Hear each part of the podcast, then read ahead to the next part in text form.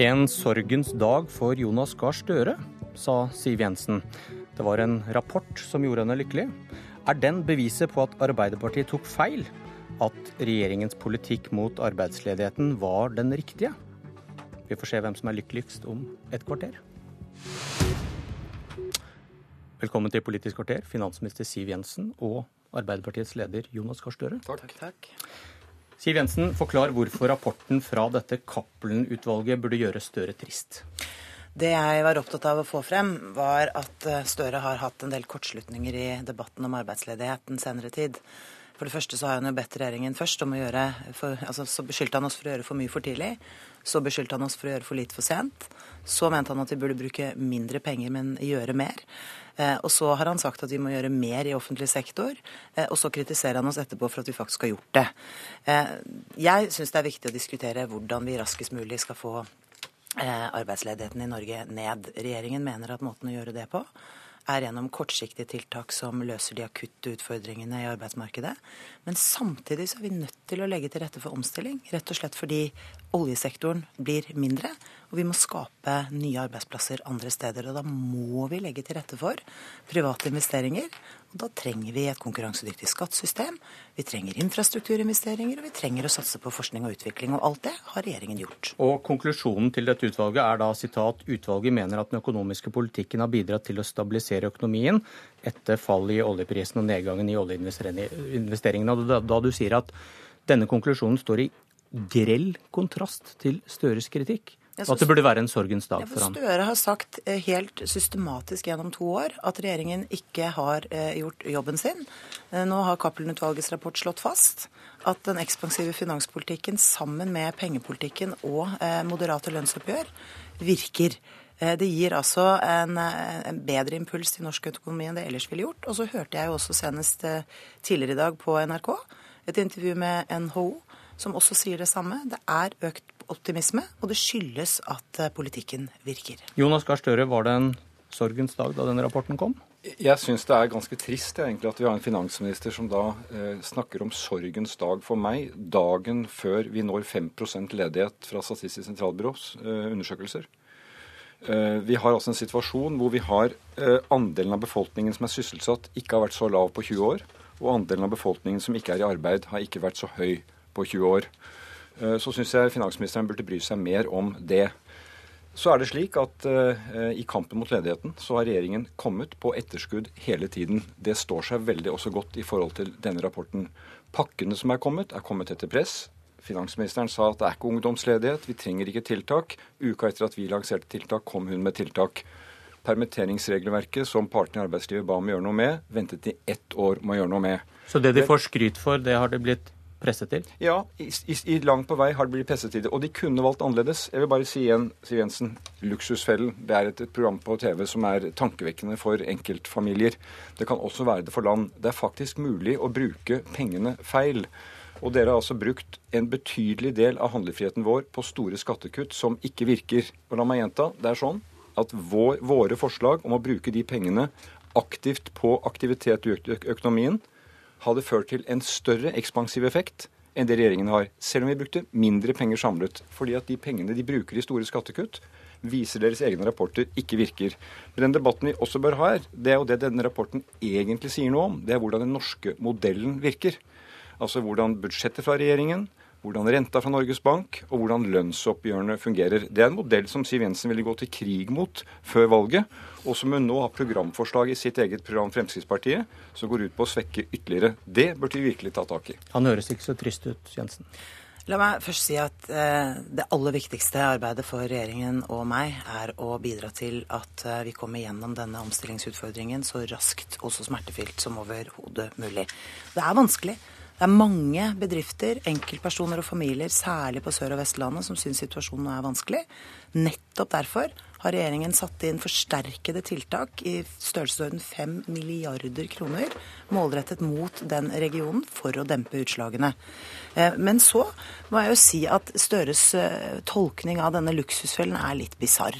Da hans eh, egen regjering la frem handlingsregelen tilbake i 2001 hans forrige partileder, eh, Jens Stoltenberg, så var hele poenget at man skulle bruke mer oljepenger på vekstfremmende skattelettelser, på forskning og innovasjon og på utdanning. Det har regjeringen gjort. Så skjønner jeg at Arbeiderpartiet nå ikke lenger mener at skattelette er viktig. Men vi har altså både eh, lagt frem en skattereform som Arbeiderpartiet i all hovedsak har sluttet seg til. Det syns jeg er bra. Men der hvor vi skiller lag, er jo i synet på formuesskatten. Vi mener altså at det er galt å straffe norske eiere av norske bedrifter i Norge Eh, og gi de en eh, ulempe i forhold til utenlandske eiere av bedrifter i Norge. Derfor har vi vært opptatt av det, særlig fordi formuesskatten slår så skjevt ut at du også må betale den i tider hvor du går med underskudd, hvor bedrifter risikerer å gå konkurs. Den debatten har vi hatt eh, mange ganger. Mitt poeng er at regjeringens egne studier, uavhengige studier, viser at hvis du skal bruke skatt å få til aktivitet, så er formuesskatten en veldig dårlig virkemiddel. De pengene som du får i skattelette på formuesskatten, fører til at mange mennesker putter dem i banken, sparer dem, ikke setter dem i aktivitet. Og Statistisk sentralbyrå har vist veldig tydelig at hvis du bruker de pengene målrettet, så får du større aktivitet.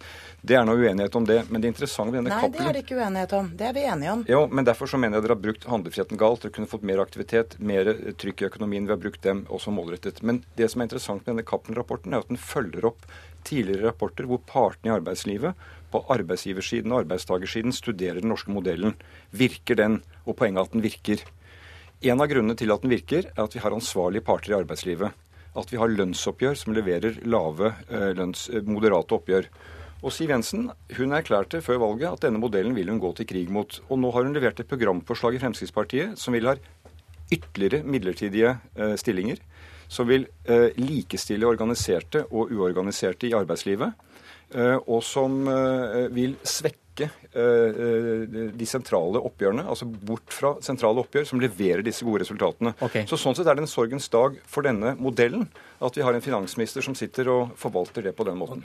Du, kan jeg bare få gi noen veldig, veldig kort. Jo, men altså, Det er ingen uenighet om at det som virker best i en akutt situasjon, er å bruke mer penger på å stimulere gjennom offentlig sektor, og det har regjeringen gjort. Men din kritikk i etterkant av det er jo at da har vi brukt for mye penger på offentlig sektor og skapt for mye sysselsetting der. Men, men det da... må altså være mulig å ha to tanker i hodet samtidig. Vi må både løse de kortsiktige utfordringene med akutte virkemidler, Grunnen til at regjeringen er opptatt av skattereduksjoner, er fordi det legger bedre til rette for omstilling. Det legger bedre til rette for mer vekst i privat næringsvirksomhet. Okay, det er mulig Arbeiderpartiet ikke er opptatt av det, men det er altså vi. vi du sier at denne rapporten til Cappelen den, den, står da i grell kontrast til det eh, Jonas Gahr Støre har hevdet om deres politikk, og det at det da på en måte slår beina under eh, hans, eh, hans egne resonnementer. Og vi spurte Ådne Cappelen utvalgslederen om hvordan rapporten skulle forstås. Har regjeringen håndtert oljeprisfallet på best mulig måte? Vil du gjette hva han svarte? Jeg har forholdt meg til det han sa på pressekonferansen da jeg tok imot rapporten, og det som står i den. Og på side 32 Jeg har allerede lest det. Ja. ja. På side 32 i denne rapporten så står det at vi har en ekspansiv finanspolitikk. Eh, at det har bidratt til å holde oppe sysselsettingen og aktiviteten i en tid der etterspørselen fra oljesektoren faller. Og det er jo nettopp vært hele poenget. Vi spurte Cappelen har regjeringen håndtert oljeprisfallet på best mulig måte. Kan man uh, si det ut fra rapporten? Og han svarte vi har ikke gått inn og diskutert de detaljene i politikken. Det finnes jo partipolitisk uenighet om hvordan innretningen av finanspolitikken skal være. Det er ikke tema for oss. Driver ikke du med misbruk av denne rapporten? Nei, fordi det de understreker er jo at en ekspansiv eh, finanspolitikk virker. Og vi har fått kritikk fra Jonas Gahr Støre. Det, det, pekte du på selv at det er det jo ingen som er uenig i. Bruker jo, du ekstra penger, så virker det sånn som Cappelen slår fast. Hele min kritikk av Jonas Gahr Støre i dette har jo handlet om at han har kritisert oss for å bruke for mye penger. Arbeiderpartiet har sagt at de ønsker å redusere oljepengebruken, de ønsker å spare mer i oljefondet. Det blir det ikke mindre aktivitet av i en tid hvor vi har lavere konjunkturer. Men sier ikke Cappelen her at konklusjonene ikke kan brukes som noe godkjentstempel på din politikk, like lite som en slakt av Nei, jeg mener han slår fast det rapporten sier, nemlig at en ekspansiv finanspolitikk har hjulpet oss i en krevende tid. Det har jo vært helt riktig. Vi går ikke inn og diskuterer de detaljene penger. i politikken, sier han. Nei, Og det er riktig. Og dere er jo enige om å bruke penger? Ja, Nei, Arbeiderpartiet vil jo bruke mindre penger. De har jo kritisert oss for å bruke for mye. Jeg mener det har vært riktig å bruke mer penger i krevende tider, men vi har altså brukt de både på å øke aktiviteten i, på Sør- og Vestlandet, hvor man har hatt særlige problemer, og vi har brukt det på innovasjon, forskning, utvikling og ikke minst på vekstfremmende skattelettelser. Og det kommer vi til å fortsette med, fordi det legger forholdene bedre til rette for at vi skaper flere Ved arbeidsplasser. hver korsvei siden denne regjeringen tok over, før oljeprisen falt, så gikk denne regjeringen i oljefondet for å løse alle eh, problemer. Men det gjorde gjorde din regjering også. vår, altså Det har vært større uttak på tre år enn det var under ti år på oss i veksten i, de, i det forbruket. Så dette er rekorder som er slått. Og det sier også rapporten. Dette kan ikke vare. Poenget er at det er ikke noe imponerende å bruke mye penger. Spørsmålet er hvordan du prioriterer og hvilke penger du bruker. Jeg påpeker igjen, vårt opplegg hadde vært mer ekspansivt, allikevel brukt mindre oljepenger. Men det som er alvorlig nå, det er at vi har en økonomi hvor ledigheten er rekordhøy på 20 år. Samtidig så skapes det ikke nye arbeidsplasser. Tre av fire arbeidsplasser som er kommet under denne regjeringen, er kommet i offentlig sektor. Vi er for flere sykepleiere, for flere politifolk, flere lærere. Men poenget er at den jobbskapingmaskinen som privat sektor er, den virker ikke. I vår tid, jeg må minne om det, ble det skapt 360 000 arbeidsplasser gjennom ti år. Det var ikke vi som skaffet dem, det var bedriftene som gjorde det, til tross for finanskrise.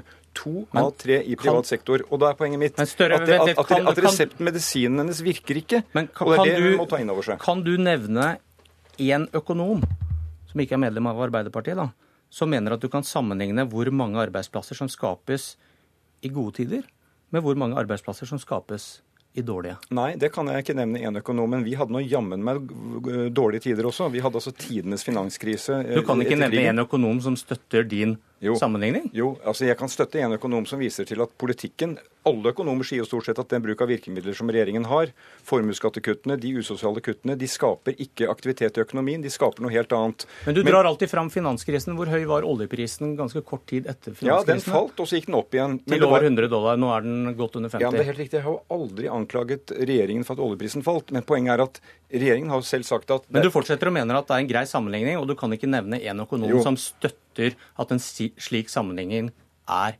plausibel. Men det du stilte meg spørsmålet er, kan du finne en økonom som kan støtte at dårlige tider er det samme som gode tider? Selvfølgelig er det forskjell på det. Vi hadde også en Men du god porsjon bruker dårlige det tider. på, som, Nei, men som jeg ser, jo- jeg ser jo en periode over åtte år med tidenes finanskrise i midten, så hadde vi allikevel jobbvekst. Og poenget mitt er nå synker sysselsettingen. Og denne finansministeren som mente at det var så mye fett i offentlig sektor at hun ville gå til krig mot byråkratiet, det er en meget uh, lite ærbødig uh, anklage mot de som jobber i byråkratiet. Hun har altså skapt tre av fire nye arbeidsplasser nettopp i det byråkratiet. Ni nye hver dag. Og mitt poeng er da hovedvirkemidlet hennes, disse skattekuttene, som skal få aktivitet, som skal få økonomien i gang, de virker ikke. Og det mener jeg denne rapporten viser. Og så mener jeg igjen, la meg understreke det som alle er på jobb, Fremskrittspartiet går til valg på at de ønsker mer midlertidighet i arbeidslivet, bort fra den sentrale lønnsdannelsen som gir så gode resultater som vi nå har. Eh, Og hun vil ha altså eh, redusert vekt på at folk er organisert, enten det er bedrifter eller ansatte. Det er en sorgens dag for den norske modellen, men ikke overraskende, for den ville Siv Jensen gå til krig mot. Fremskrittspartiet er tilhenger av at hovedregelen skal være fast jobb. Men det er også sånn at det er bedre å ha en midlertidig jobb enn å ikke ha jobb i det hele tatt. Men eh, det er kanskje ikke så viktig for Arbeiderpartiet. Men ta det på det- poenget med å skape jobber, Ja, som vi var innom. Arbeiderpartiet styrte under uh, gullårene. Hvor vi altså hadde høy oljepris og stor vekst. Og han prøver å sammenligne det med en tid hvor veksten er lavere og hvor oljeprisen er mer enn halvert. Det er en uredelig sammenligning. I tillegg sammenligner man åtte år med tre.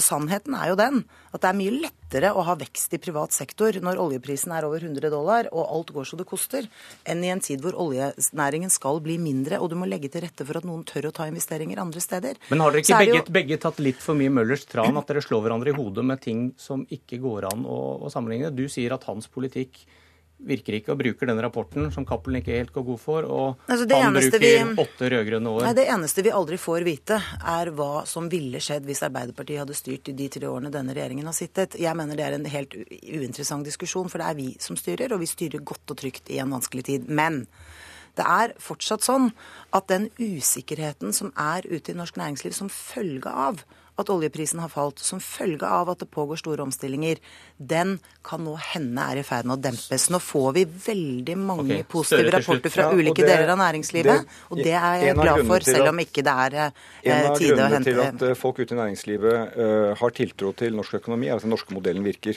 At lønnsoppgjørene virker, og at vi har faste hele stillinger og et ordnet arbeidsliv. Og da minner jeg bare på igjen, Finansministerens parti går imot dette i sin innstilling til partiprogram.